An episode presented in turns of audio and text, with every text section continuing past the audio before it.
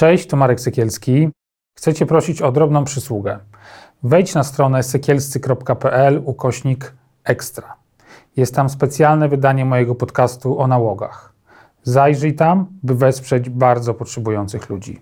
Z góry dziękuję.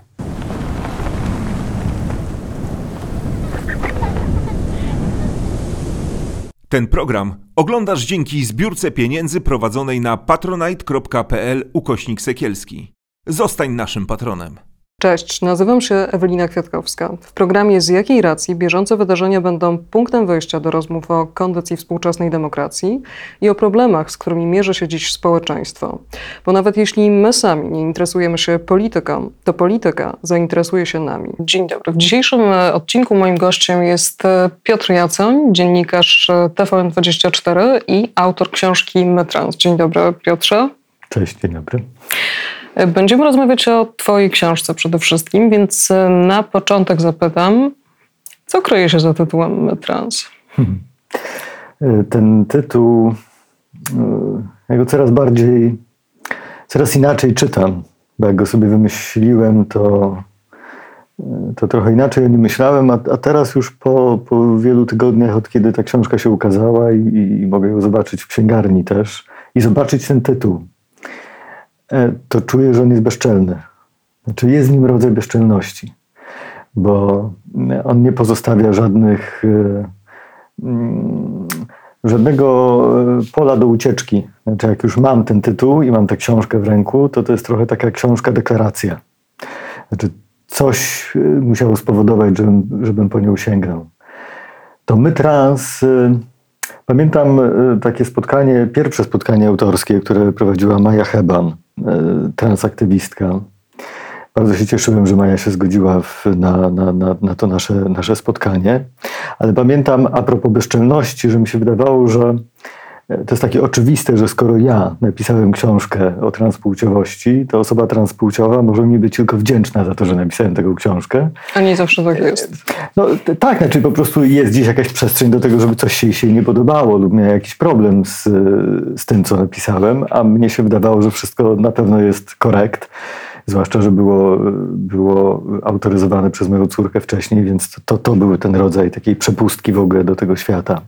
Ale wtedy Maja, Maja zwróciła uwagę na tytuł, że ona właśnie miała problem z tym tytułem. Dlaczego to jest tak, że jest jakiś my trans i pod tym my trans jest Piotr Jacoń, który nie jest trans?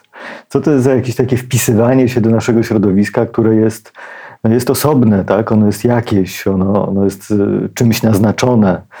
Y, to jest środowisko, które ma jakieś wyzwanie, a ja nie mam akurat tego rodzaju wyzwania przed sobą. Mam inne związane z transpłciowością, ale przecież nie jestem trans. Co w takim razie chciałeś powiedzieć? Jeszcze chciałem chyba powiedzieć o wspólnocie jakiejś, znaczy o tym, co e, trochę o mojej, o mojej pozycji wo, wobec tego tematu.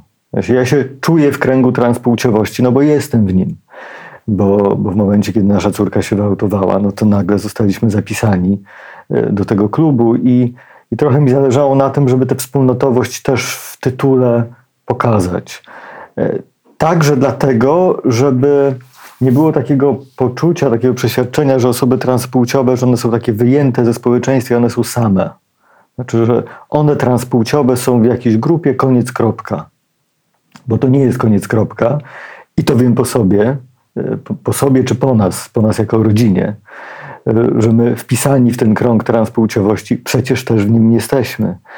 Więc my się mieścimy w tej definicji my trans, my transpłciowość, bardzo szeroko rozumiana. I potem też, i to też jakoś przyszło w, w, trakcie myślenia o tym tytule, już po tym, jak on został wydrukowany, już go zobaczyłem, że gdzieś mi on trąci jakąś taką frazą, którą y, ona mi się wydaje znajoma, ale tak nie do końca wiedziałem o co, o co chodzi. E, a książka wychodziła w listopadzie, a to się mniej więcej nakładało na, na rocznicę e, właśnie tej frazy wypowiedzianej. Nawiązywałeś oczywiście do naród. Tak, no właśnie, tak. Znaczy to jest to my naród. E, no i to oczywiście nie jest tak, że my trans to jest y, cały oto naród, ale, ale miałem jakąś taką chyba podświadomą potrzebę, żeby to też dumnie zabrzmiało. To znaczy, żeby ta transpłciowość, czy w ogóle osoby transpłciowe, których ogromnym problemem jest y, y, no właśnie to funkcjonowanie społeczne, takie możliwość dumnego funkcjonowania społecznego, żeby one ten, w tym tytule też ten rodzaj siły i dumy mogły poczuć. E, O, i to jest taka długa odpowiedź na pytanie o krótki tytuł. Mhm. Czyli chodziło ci bardziej o zama- zamanifestowanie takiej postawy wspierającej Tak, i, tak. i solidarnościowej, ale rzeczywiście, jak teraz o tym powiedziałeś, to, to może być też odbierane jako tytuł z lekka e, bezczelny, jak, jak, jak sam Tak, wiesz, powiedziałeś. Wiesz, to ja, ja to już słyszę Mhm. na spotkaniach y, autorskich, które są właściwie trochę spotkaniami też w grupie, tak? bo, bo tam się pojawiają najczęściej y, rodzice czy, czy, czy te osoby, które właśnie są w tym kręgu transpłciowości. Pamiętam taką anegdotę jednej z matek, która opowiadała, jak szła do, do księgarni po tę książkę. I weszła, zapytała, gdzie ta książka jest, czy w ogóle jest. Owszem, mamy, ale jeden egzemplarz i on jest tam gdzieś na półce i to zostało jej wskazane. I ona tam poszła do tego regału i zobaczyła, że tej książki tam nie ma, bo stała kobieta obok i trzymała tę książkę w ręku. I one sobie tak w oczy spojrzały, bo zrozumiały, że one są my trans, znaczy, że one są właśnie z tej społeczności, tak? Znaczy, że nie przez przypadek chwyciły po to właśnie książkę. I że jest to rodzaj takiej, no właśnie jak mówisz, manifestacji też. Mhm. Właśnie o, o, o to, y, o mamy chciałam cię y, zapytać i o rodziców w ogóle, bo ty opowiadasz tutaj y, historię osób transpłciowych, ale w sposób, w jaki nie robiło się tego chyba wcześniej, bo oddajesz głos przede wszystkim rodzicom. Tak, bo wydawało mi się, ja zresztą ten głos rodzicom oddałem po raz pierwszy yy, no, reportażu. tak, telewizyjnie w reportażu Wszystko o moim dziecku i to była perspektywa tylko rodziców, bo ona też była wtedy dla mnie najbardziej naturalna. Ja ten reportaż yy, yy, wymyśliłem właściwie miesiąc, półtora miesiąca po, po tym, jak Wiktoria powiedziała, jak z nią jest. I, i to był dla mnie ten naturalny y, odruch, tak? I takie naturalne spojrzenie. Spojrzenie właściwie przede wszystkim na siebie, czy właśnie na nas, na mnie, na moją żonę y, i na innych rodziców, których my wtedy poznawaliśmy. Bo my nie poznawaliśmy osób transpłciowych. My mieliśmy jedną osobę transpłciową w rodzinie y, i my nie tamte osoby poznawaliśmy, tylko poznawaliśmy takich jak my. I to była dla mnie taka perspektywa zupełnie nowa, ale też taka odświeżająca, bo nagle się okazało, że, e, że, że ten temat jest taki, właściwie przez to, że jest przez rodziców prze, e, przefiltrowany, że on się staje trochę taki bardziej uniwersalny. Tak? Znaczy, bo nie każdy jest osobą transpłciową, ale rodzicem jest wielu z nas. Tak? I to takie doświadczenie rodzicielskie, bez względu na to, czy, czy mamy mm, wyzwanie pod tytułem dziecko transpłciowe, czy po prostu dziecko, to te, te, ten rodzaj e, współodczuwania jest podobny. I, I wydawało mi się, że się nie myliłem, jak się potem okazało, że to jest właśnie dobra perspektywa, bo ona jest, to jest taki fa- fajny moment na to, żeby sobie otworzyć drzwi i pokazać, zobaczcie, tam jest ten temat, ale możemy go opowiedzieć e, mniej hermetycznie, e, tylko właśnie e, na takim w miarę uniwersalnym, uniwersalnym poziomie. I to był punkt wyjścia, no a potem był punkt dojścia do, do książki, która, która już siłą rzeczy oczywiście poszerzała tę perspektywę, bo, bo ja, co jest jasne, oddaję także głos e, osobom transpłciowym, ale też mi zależało na tym, żeby, żeby w ogóle ten, e, to, to mówienie o transpłciowości było takie wielorakie, żeby to był jednak e, jak najpełniejszy i czasami nie do końca nawet oczywisty sposób w tym dopełnieniu. Bo jak tam chwytam po, po księdza Andrzeja Szostka, to to nie jest oczywiste, że ja... Już nie chciałam cię zapytać o to, dlaczego, dlaczego postanowiłeś porozmawiać z księdzem? Wiesz co, bo y, niestety chyba w tym kraju tak jest, że jak jest jakiś trudny temat, e, to ostatecznie czy my tego chcemy, czy nie chcemy. Szukamy tam autorytetu.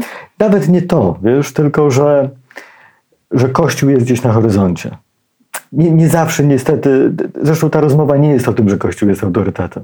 Wręcz przeciwnie. Tak, ona jest o tym, że, że ten Kościół nie potrafi być autorytetem, a nawet chyba trochę nie chce być autorytetem. Lub przynajmniej, e, lub jeszcze inaczej, on by chciał być uznawany za autorytet, ale nie do końca ma ochotę cokolwiek zrobić w tym kierunku, żeby się nim stać.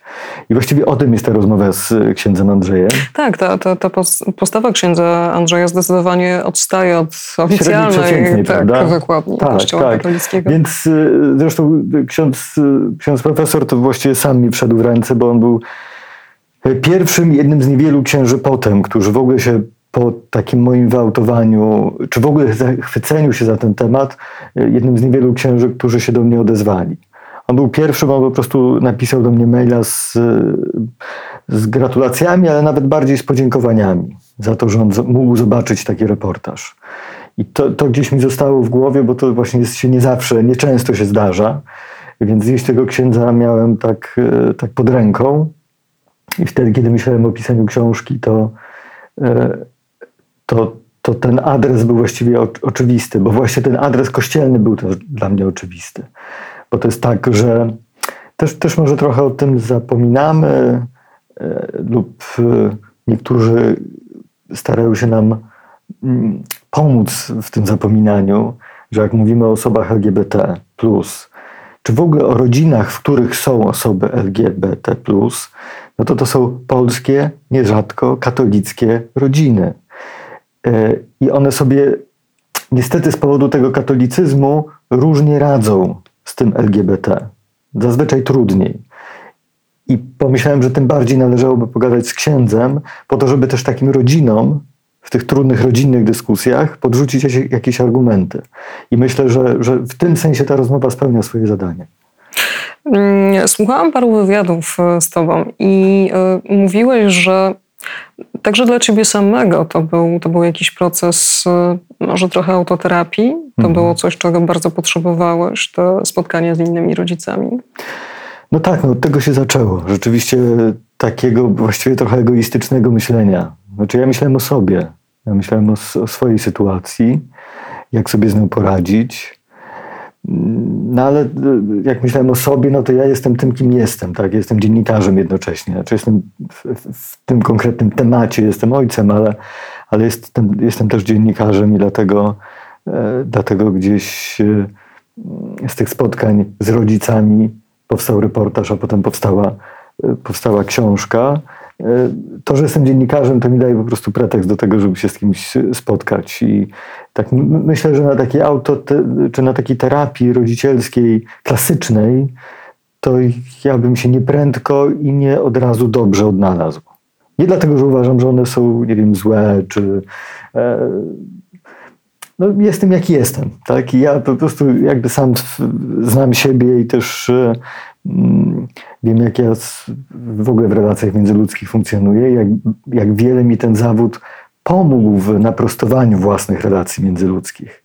Że ja e, raczej introwertyczny i nieśmiały, jak dostaję narzędzie w postaci e, kiedyś mikrofonu radiowego, a teraz kamery, e, telewizyjnej, to nagle na, nabieram trochę, tak się prostuję i mówię pełniejszym głosem i, i, i nagle uważam, że, że, że mam takie bezczelne prawo zapytać o to, o to i o to. Więc ja w ramach tego bezczelnego prawa pytałem tych rodziców o to, o to i o to i to rzeczywiście jakoś, jakoś mi pomagało.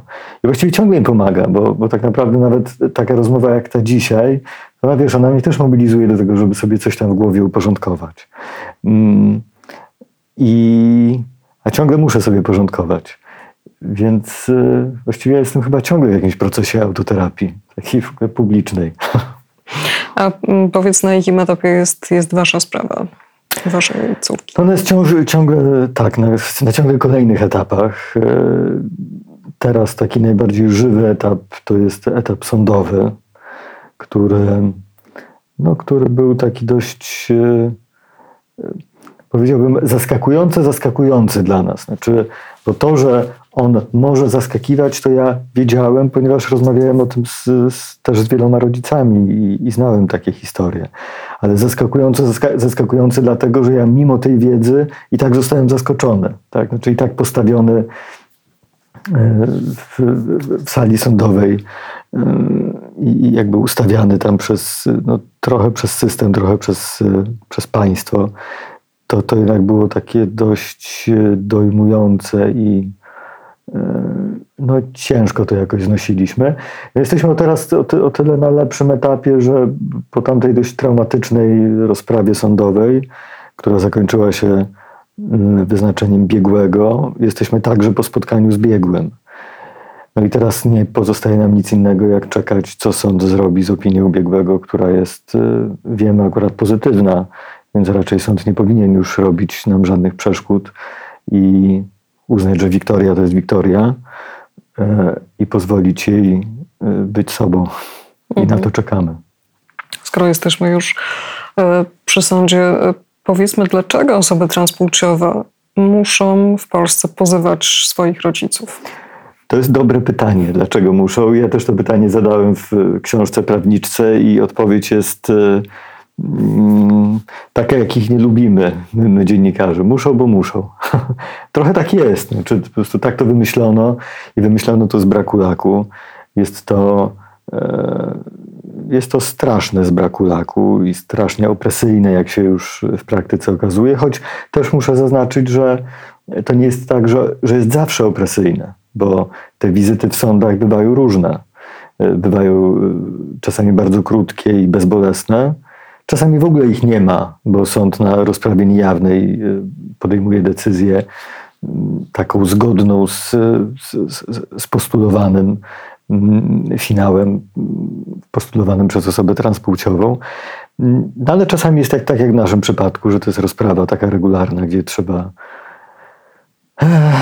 no, gdzie trzeba zostać przesłuchanym i tam no, jest niemiło, a potem jeszcze wysłanym do, do biegłego, co już dla nas rodziców nie jest w ogóle, znaczy jest o tyle niemiłe, że, że my wiemy, że nasze dziecko jest w jakiejś w takim dyskomforcie, a nawet cierpieniu, bo, no bo to naprawdę trzeba sobie wyobrazić, że to jest że osoba transpłciowa, która ma e, generalnie problem w funkcjonowaniu społecznym, tak? ta dysfo, dysforia społeczna no, polega na tym, że ona jest ciągle niepewna, jak społeczeństwo mnie odbiera. W związku z tym ona właściwie na każdym kroku ma poczucie, że musi udowadniać, kim jest. W najbardziej prozaicznych e, sytuacjach. E, No i teraz wizyta w sądzie dokładnie na tym polega. Tak? Znaczy, oto przychodzi ktoś, kto składa pozew, składa go e, starymi swoimi danymi, bo innymi nie ma, innych nie ma. E, No i, i jakby oczekuje, że ten sąd jednak uzna, że, że, że na, można wpisać tutaj te, te nowe dane, ale jednocześnie znów trzeba przed jakąś obcą osobą opowiedzieć o swoim życiu. Jednak i to nie jest życie pod tytułem e, nie wiem, uczyłem się, pracowałem, nie wiem, poznałem kogoś, tylko to jest rozmowa często o bardzo intymnych kwestiach. Swoją drogą, nie o wszystkie intymne kwestie sąd powinien pytać, ponieważ nie wszystkie one rzeczywiście e, mają znaczenie w tym diagnozowaniu osoby trans, transpłciowej. No ale to, to, to przychodzisz do sądu i musisz y, obcej osobie opowiedzieć o tym swoim życiu, po czym ta obca osoba w sądzie odsyła cię do jeszcze kolejnej obcej osoby, która będzie ci zadawała jeszcze bardziej pogłębione, y, więc jeszcze bardziej intymne pytania z twojego życia i ty znów musisz udowadniać, y, kim jesteś. I, no i to jest bardzo, bardzo traumatyczne i op- opresyjne. Tak? No, tak naprawdę jak się w tym uczestniczy, jak się to widzi, a przecież widzisz swoje dziecko, które e, w tej całej sytuacji po prostu cierpi. E, To jest dużo niezgody i takiego też wkurzenia na to, takiego poczucia niesprawiedliwości. Tak? Znaczy, dlaczego? E, No a, a, a dlaczego? A dlatego właśnie, że ktoś sobie to z, tak z braku laku wymyślił. Tam różne były, ró, różne krążyły myśli wśród prawników kilka, kilkanaście lat temu, jak to w Polsce rozwiązać. E, Był pomysł, żeby, mm, żeby pozywać e, urzędników stanu cywilnego, no bo to oni gdzieś tam na jakimś etapie wpisują w dokumenty to, co wpisują. Zrezygnowano z tego, no patrząc na, na to, w jakiej atmosferze żyjemy w tej chwili w tym kraju, to, to może ostatecznie nie wyszło tak źle, tak? bo gdybyśmy jednak musieli pozywać urzędników y, stanu cywilnego, czyli urzędników państwowych, y, to z racji na, na to, jakie to państwo w tej chwili jest, to pewnie byłyby te procesy jeszcze trudniejsze. Tak, to jak gdzieś na, na takim poziomie emocjonalnym jest, jest trudne, ale zazwyczaj jednak jest o tyle dość e, jednoznaczne, że, że, że, że rodzice, którzy są pozywani, oni albo wspierają to dziecko, albo są neutralni. Rzadko kiedy robią coś przeciwko, tak? Znaczy, że za wszelką cenę chcą na przykład udowodnić, że, że jest inaczej, czy że dziecko jest nie niepoczytalne na przykład, tak, to jest jakiś, jakaś furtka. No można sobie wyobrazić, że, że gdyby w miejsce tych rodziców wstawić urzędnika e, z Urzędu Stanu Cywilnego, to, to takich procesów w kontrze byłoby, byłoby może więcej. Nie jest to sprawiedliwe, nie jest to mądre, mm, wymaga to na, naprawdę wymaga to zmiany i, i co więcej, taka zmiana w, w, prawie została wypracowana w 2015 roku. Takie prawo Sejm e, najpierw właśnie wypracował, a potem uchwalił. E, Dużo, dużo miejsca poświęcasz w swojej książce właśnie wspomnieniu tej, tej ustawy, która mm, najpierw przepadła, bo została zawetowana przez prezydenta Andrzeja Dudę, mm, a później w zasadzie Sejm nie znalazł czasu, nie znalazł chęci, żeby. Znaczy żeby jakiejś takiej woli politycznej, wydaje mi się, Mhm. wiesz, bo i o tym się y, zapomina, y, że, że, y, że historia tej ustawy o, mm, o, o- o korekcie płci jest, jest właśnie taka, bardziej, bardziej się ją opowiada właśnie do momentu tego prezydenckiego weta, bo ona jest tutaj prostsza do opowiedzenia. prawda? Tak, Znaczy, a nie mówi mamy- się o tym, co, co było no więc właśnie, prawda? Bo jak się to opowiada do weta prezydenta, to to wygląda tak upraszczając, że była jakaś dobra większość sejmowa, która się pochyliła nad transpłciowością i osobami transpłciowymi, zrobiła im dobrze, a potem przyszedł zły prezydent i zrobił źle. Tylko, że dokładnie ta sama większość mogła poprawić to, co prezydent zrobił źle. No i to bardzo widać w książce, bo ja jak dotarłem do tych steno- stenogramów z posiedzenia y, połączonych Komisji Zdrowia i Sprawiedliwości, które zajmowały się prezydenckim wetem, to miałem trochę dylemat, co ja mam z tym zrobić. Czy ja mam to opowiedzieć po swojemu, e, czy może zrobić jakąś rozmowę o tym. I nawet miałem taką myśl, żeby porozmawiać z posłanką Muchą, która była przewodniczącą podkomisji, która finalnie te, te, prawo uchwaliła, ale która na tym połączonym, na tych e, połączonych posi- po- po- posiedzeniu połączonych komisji e, nie zgodziła się na bycie posłanką sprawozdawczynią, a to było kluczowe ze względów formalnych, żeby, żeby, żeby sprawa poszła dalej.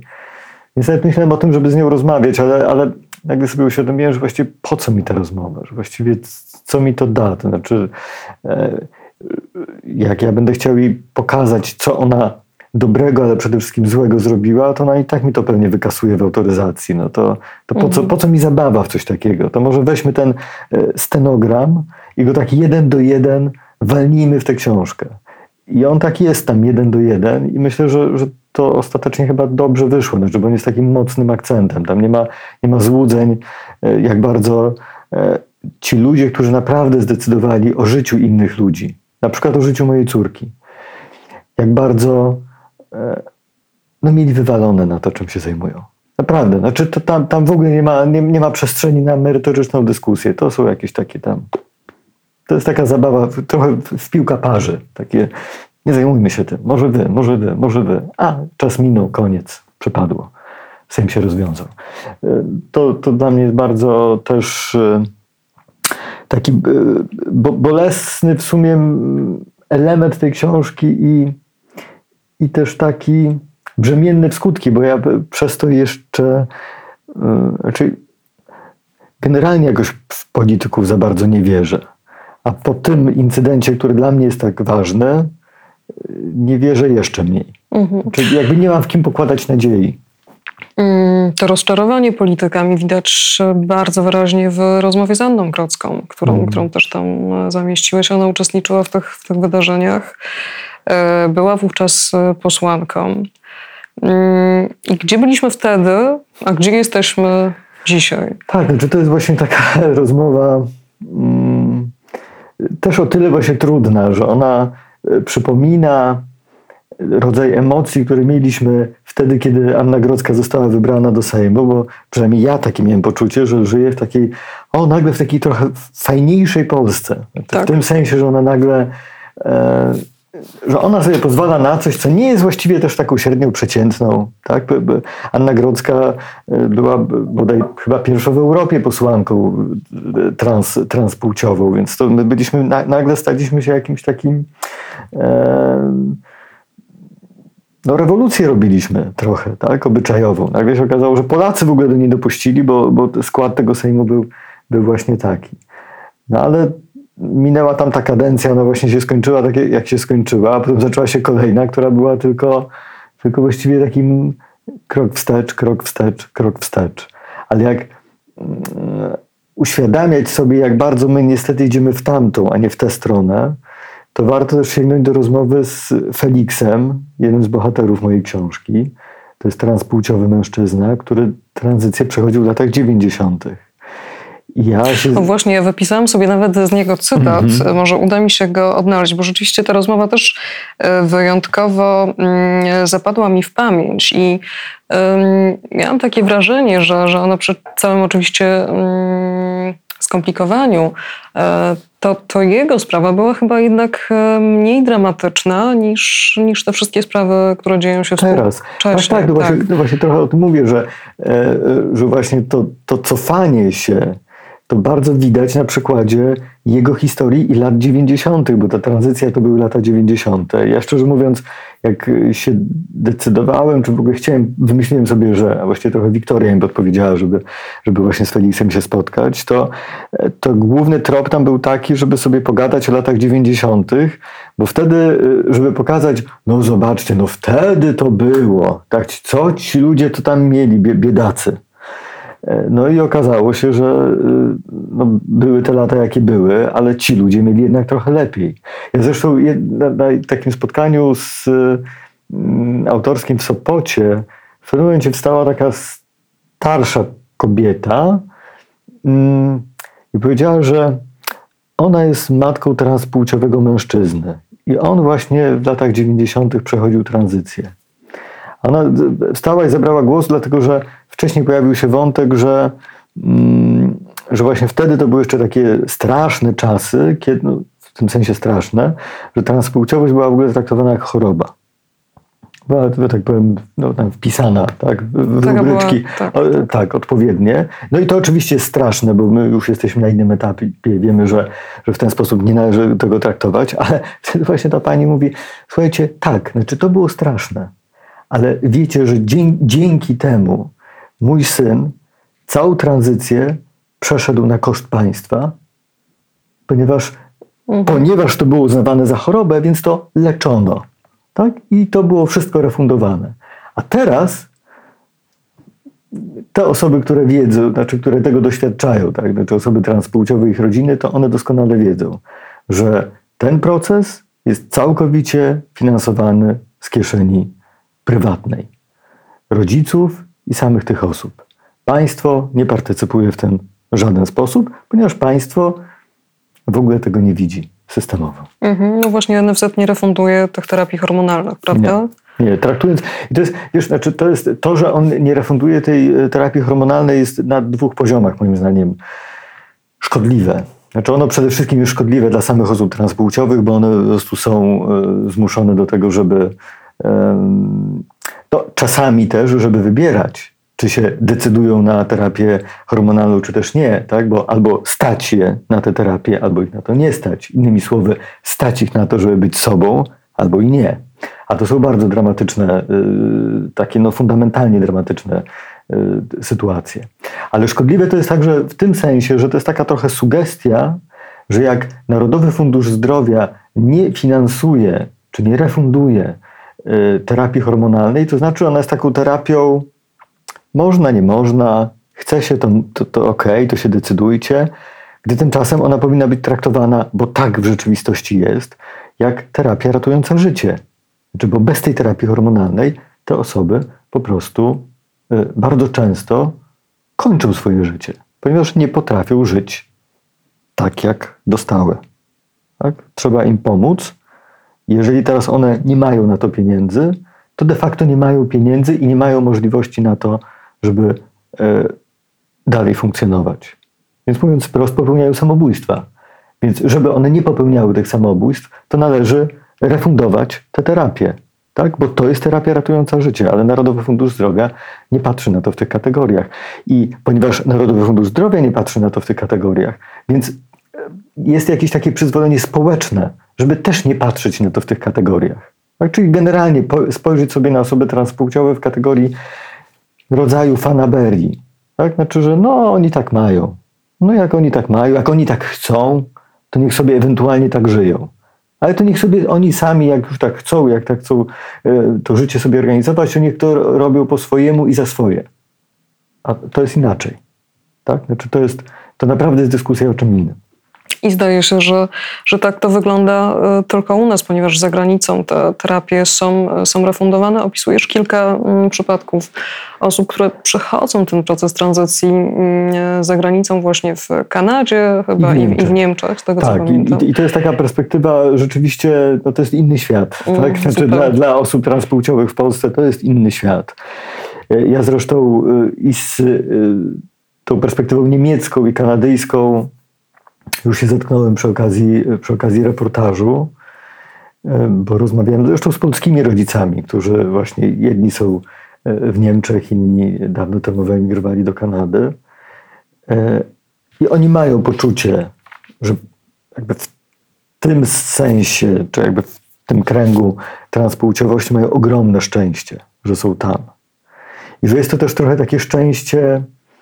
że czasami im jest wręcz głupio wobec polskich rodziców, bo oni, oni są zresztą często na tych samych grupach, e, na, na, na forach internetowych. e, e, Łączy ich tam ich właśnie ten temat tak, transpłciowości, ale inni są w Polsce, inni są w Niemczech, inni są w Kanadzie. I się okazuje, że, że to, co jest taką bolączką codzienności rodziców czy rodzin w Polsce, w Niemczech czy w Kanadzie właściwie w ogóle nie istnieje. Znaczy to, to, to w, ogóle nie jest temat do, do, dyskusji. Ja zresztą z tym miałem trochę, trochę problem wtedy, kiedy, kiedy robiłem reportaż, bo rozmowa, no zwłaszcza z, z rodzicami z Kanady, była krótka.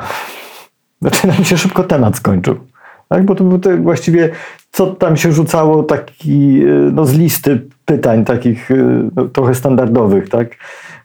Które, które przerabialiśmy z, z polskimi rodzicami, to, to nie, nie, ale to w ogóle nie problem. A to, to załatwiliśmy, a to jest proste, a i koniec. Tak? I w związku z tym, znaczy, znaczy fajne, fajna jest ta perspektywa kanadyjska, znaczy dobrze wiedzieć, że taki świat istnieje. Choć oczywiście y, to jest i fajne, i, i strasznie wkurzające. Znaczy, bo, bo jednocześnie wiesz, że, że tutaj w tym kraju długo, długo jeszcze nie, nie, nie, nie będzie na to możliwości. Niestety się boję, że, że właśnie jeszcze dłużej nie będzie takich możliwości, niż nam się tam jakiś czas temu wydawało. Czy że ten powrót nawet do takiej bazy wypracowanej w tym 2015, że to jest, że naprawdę jakoś jako społeczeństwo przechodzimy jakąś taką dziwną drogę. Taką światopoglądową, bo to trochę właściwie się od tego zaczyna, tak? Dopiero dziś na, na końcu to będą jakieś konkretne prawne rozwiązania czy systemowe. Ale w ogóle jakieś takie myślenie o, o byciu sobą, że to jest ciągle jakiś kłopot w nas. Ciągle albo, albo od niedawna znalazłam ten cytat, Mhm. który, który sobie wypisałam z bohatera, który, który przechodził proces Mhm. tranzycji w latach 90. właśnie. Powiedział w twojej książce, otwarte głowy wtedy mieliśmy. My Polacy, wszystko zaczynaliśmy wtedy od nowa. Biznesy, polityka, edukację, media. Więc to, że ja zaczynałem nowe życie, nie budziło aż takich e, emocji. Mhm.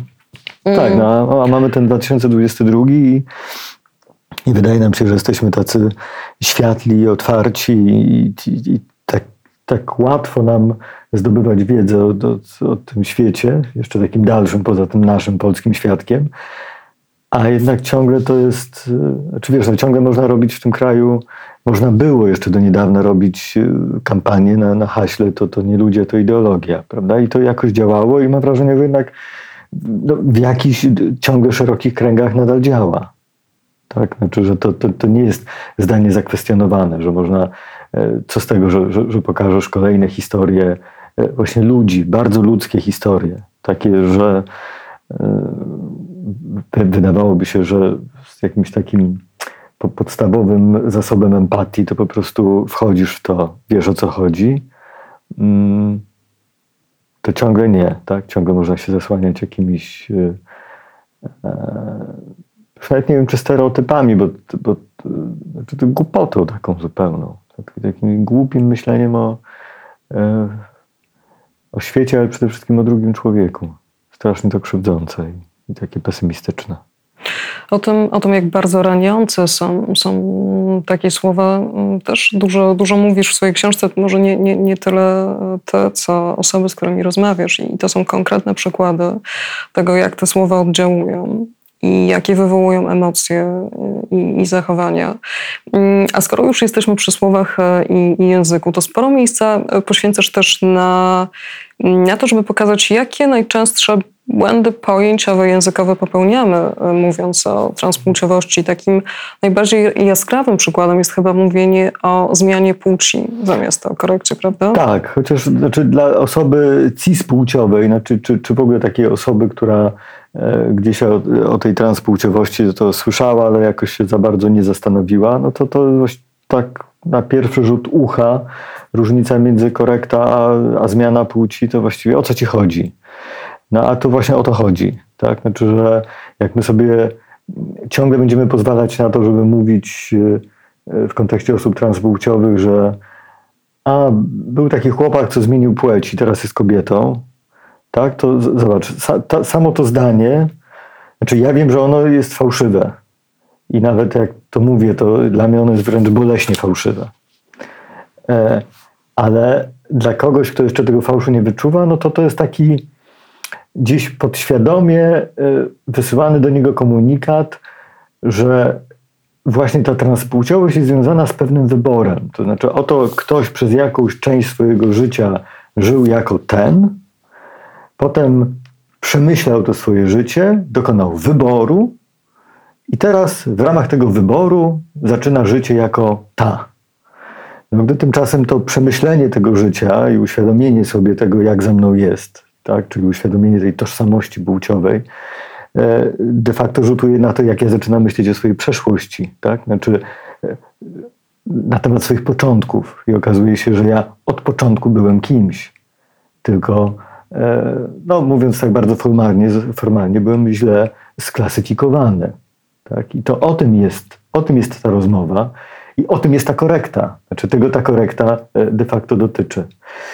E, to jest taka, tak, znaczy to jest jakiś taki podstawowy błąd, który, który się niestety multiplikuje ja to czuję też na sobie, ponieważ teraz przy okazji książki zdarzyło mi się parę wywiadów udzielić E, i w związku z tym parę wywiadów autoryzować, ale także widzieć, co z tymi autoryzowanymi wywiadami potem się dzieje, bo one zaczynają żyć własnym życiem, bo ktoś się na przykład cytuje, ktoś skraca pewne myśli, e, więc niestety zdarza się, że skraca ja... i wypacza. Tak, skraca, skraca i wypacza i w związku z tym ja mimo autoryzacji e, tych wszystkich strategicznych wypowiedzi, a też jest tak, że ja te wywiady pisane autoryzuje osobiście, ale Wiktoria także je autoryzuje, bo, bo, bo, bo żebyśmy się czuli bezpieczniej, żeby też ona miała na to, na, na ten komunikat wpływ, to mimo to gdzieś na końcu tej drogi e, na jakimś plotkarskim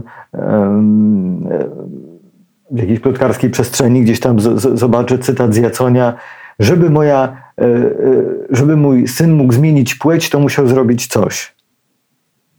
I wiesz, ja to czytam i nie wiem, i właściwie e, nie wiem, czy mam wyć, czy mam biec e, i, i to naprawiać, czy się schować zupełnie i nie udzielić żadnego już wywiadu więcej, bo skoro wydaje mi się, że zrobiłem tak dużo, żeby dokładnie e, wielkimi literami przekazać, o co mi chodzi, a to się potem, potem, potem się zmienia, no to to jest ciągle, ciągle dylemat. Ale ostatecznie wychodzi mi na to, że za każdym razem, jak widzę takie potknięcie, to sobie myślę jednak, że aha, to teraz trzeba udzielić jeszcze jednego wywiadu.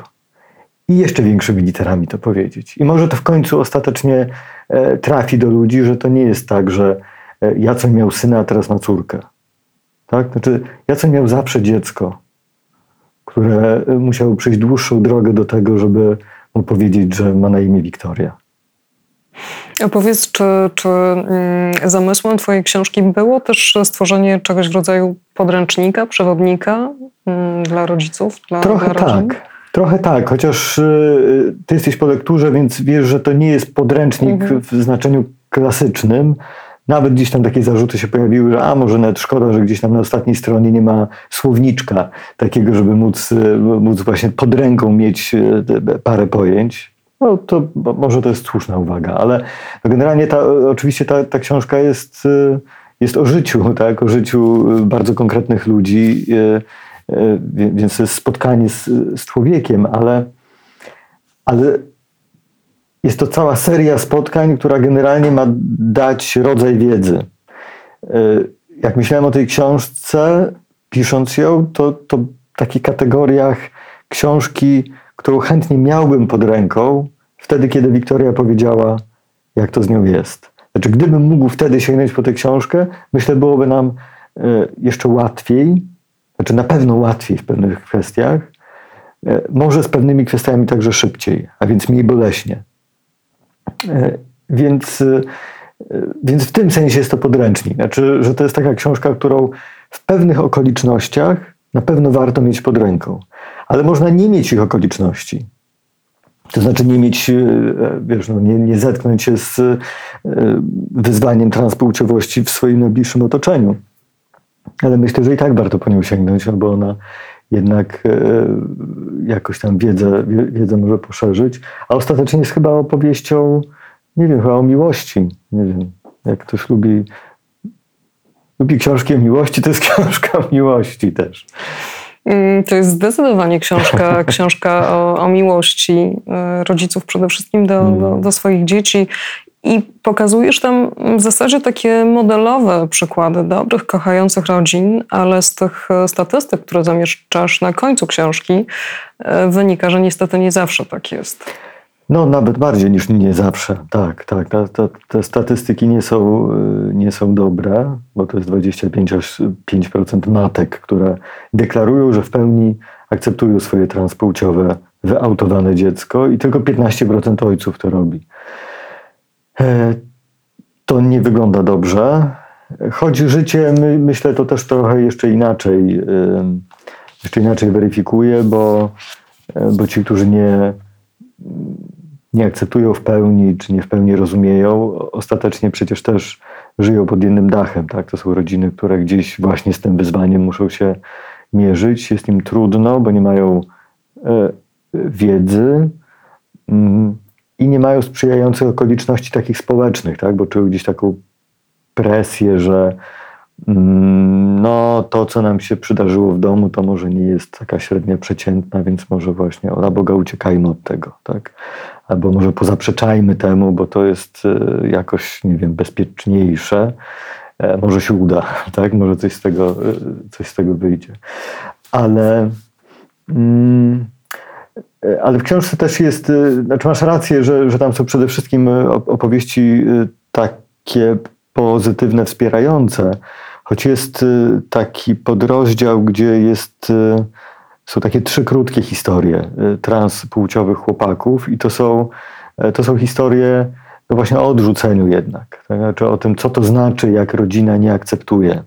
Co to znaczy, jak taka transpłciowa y, osoba y, nie dostaje wsparcia, a wręcz y, dostaje komunikat, y, tam są drzwi. E, Ewentualnie, jak nie chcesz skorzystać z tych drzwi, to jeszcze może e, odwiedźmy księdza egzortystę, to on może nam coś tutaj zaradzi i pomoże, tak? I wypędzi tego złego, złego ducha z ciebie, transpłciowości.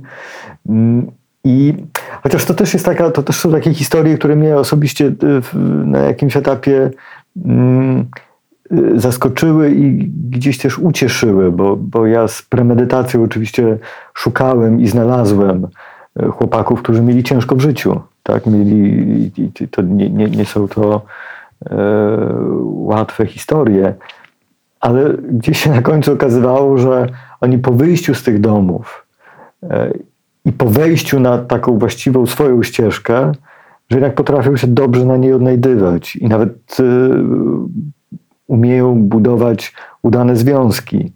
Więc, y, więc sorry, ale to znów jest o miłości, tak? To znaczy że gdzieś tam miłość zwycięża.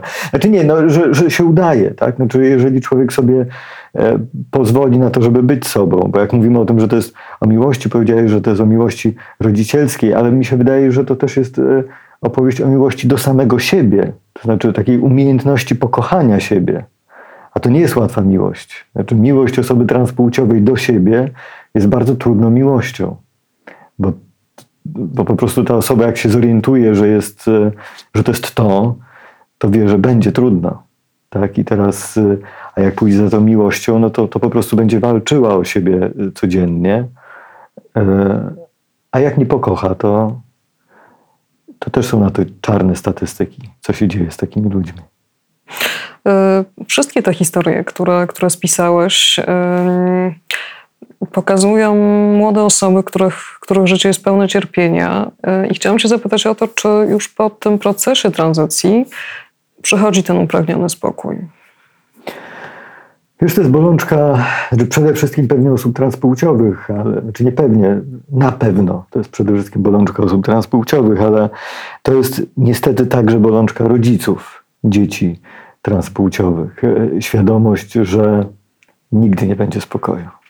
Znaczy, że to jest taka historia, która e, oby ona się napisała jak najlepiej, oby miała jak najwięcej jasnych, e, jasnych momentów, ale jest niestety ciągle podszyta takim mrokiem niepewności, takiego, e, takiego jednak ciągłego testowania się z rzeczywistością.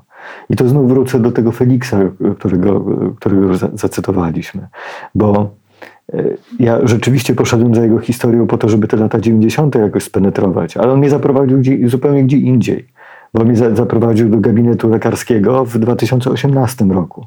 To jest już nasza współczesność, e, która ciągle trwa w takim samym wymiarze. Jak mi transpłciowy mężczyzna opowiada o tym, który znaczy, jakbyś go spotkała, nie miałabyś żadnego, e, znaczy musiałabyś poznać jego historię, żeby wiedzieć, że on jest transpłciową osobą. On ma wszystko w dokumentach jak trzeba, e, jakkolwiek to brzmi, on ma w, w wyglądzie wszystko jak trzeba. On ma rodzinę jak trzeba, tak? W takim tu naszym polskim standardowym myśleniu. I to jest facet, który idzie do lekarza i to nie od transpłciowości, tylko od kości akurat, bo, bo go bolały i, i wchodzi do gabinetu i, i, i, słyszy pytanie, no co panu dolega. E, I taka osoba transpłciowa, a on to wie, jak wchodzi do gabinetu lekarskiego i ktoś go pyta, co, co panu dolega, to musi niestety powiedzieć, że jest osobą transpłciową. No bo jest ciągle na hormonach. No, ten lekarz musi wiedzieć. Tak? To jest jakby taka podstawa, podstawowa medyczna informacja, którą trzeba ze sobą przynieść. Jak ten 50-letni mężczyzna z dokumentami takimi, jak, e, jak sobie gdzieś wymarzył i, jak, one nareszcie o nim dobrze świadczą. E, mówi w tym gabinecie lekarskim, że jestem osobą transpłciową i od tego lekarza, który zapytał, co panu dolega, za chwilę słyszy, no to proszę pani, to musimy teraz pani założyć kartę. Ja do pani inaczej nie będę mówił, bo nie mogę do pani inaczej mówić. Na pytanie, dlaczego bo, bo, bo trzeba się powołać na klauzulę sumienia w tym momencie. Tak? Wiesz, znaczy to jest masakra jakaś. Znaczy, więc jak pytasz mnie o to, czy, czy, taka, czy, czy gdzieś jest spokój w tej historii, to on generalnie oczywiście może być pasmem spokoju. Znaczy to, to mogą być same spokojne dni, ale zawsze ta osoba transpłciowa będzie wiedziała, że jak jej coś y, zdrowotnego przetrafi, to to jest naprawdę to jedyne miejsce, gdzie ona choć będzie miała uporządkowane to życie, to życie od początku do końca, to tutaj nagle to życie będzie trzeba objawić tą transpłciowością. I właśnie nie wie, w jakie ręce trafi. I czy ten lekarz nie powoła się na klauzulę sumienia i jak zacznie zakładać kartę pacjenta, to będzie zakładał kartę, kartę pacjentki i będzie wpisywał w rubryczce płeć kobieta, ponieważ tak mu sumienie nakazuje. Yy, I tylko imię wpisze męskie, bo innego nie ma, nie ma pod ręką. Tak? To to jest odpowiedź na to, czy jest w tym spokój. No, no taki jest spokój. Tak? Znaczy, że, że nic w tej historii nie jest dane e, na pewno do końca. E, I, i myślę, że to jest e, tak, że to jest tak. Znaczy, jak ja myślę o swoim dziecku, to to jest rzecz, która mi, mi nie daje spokoju najbardziej.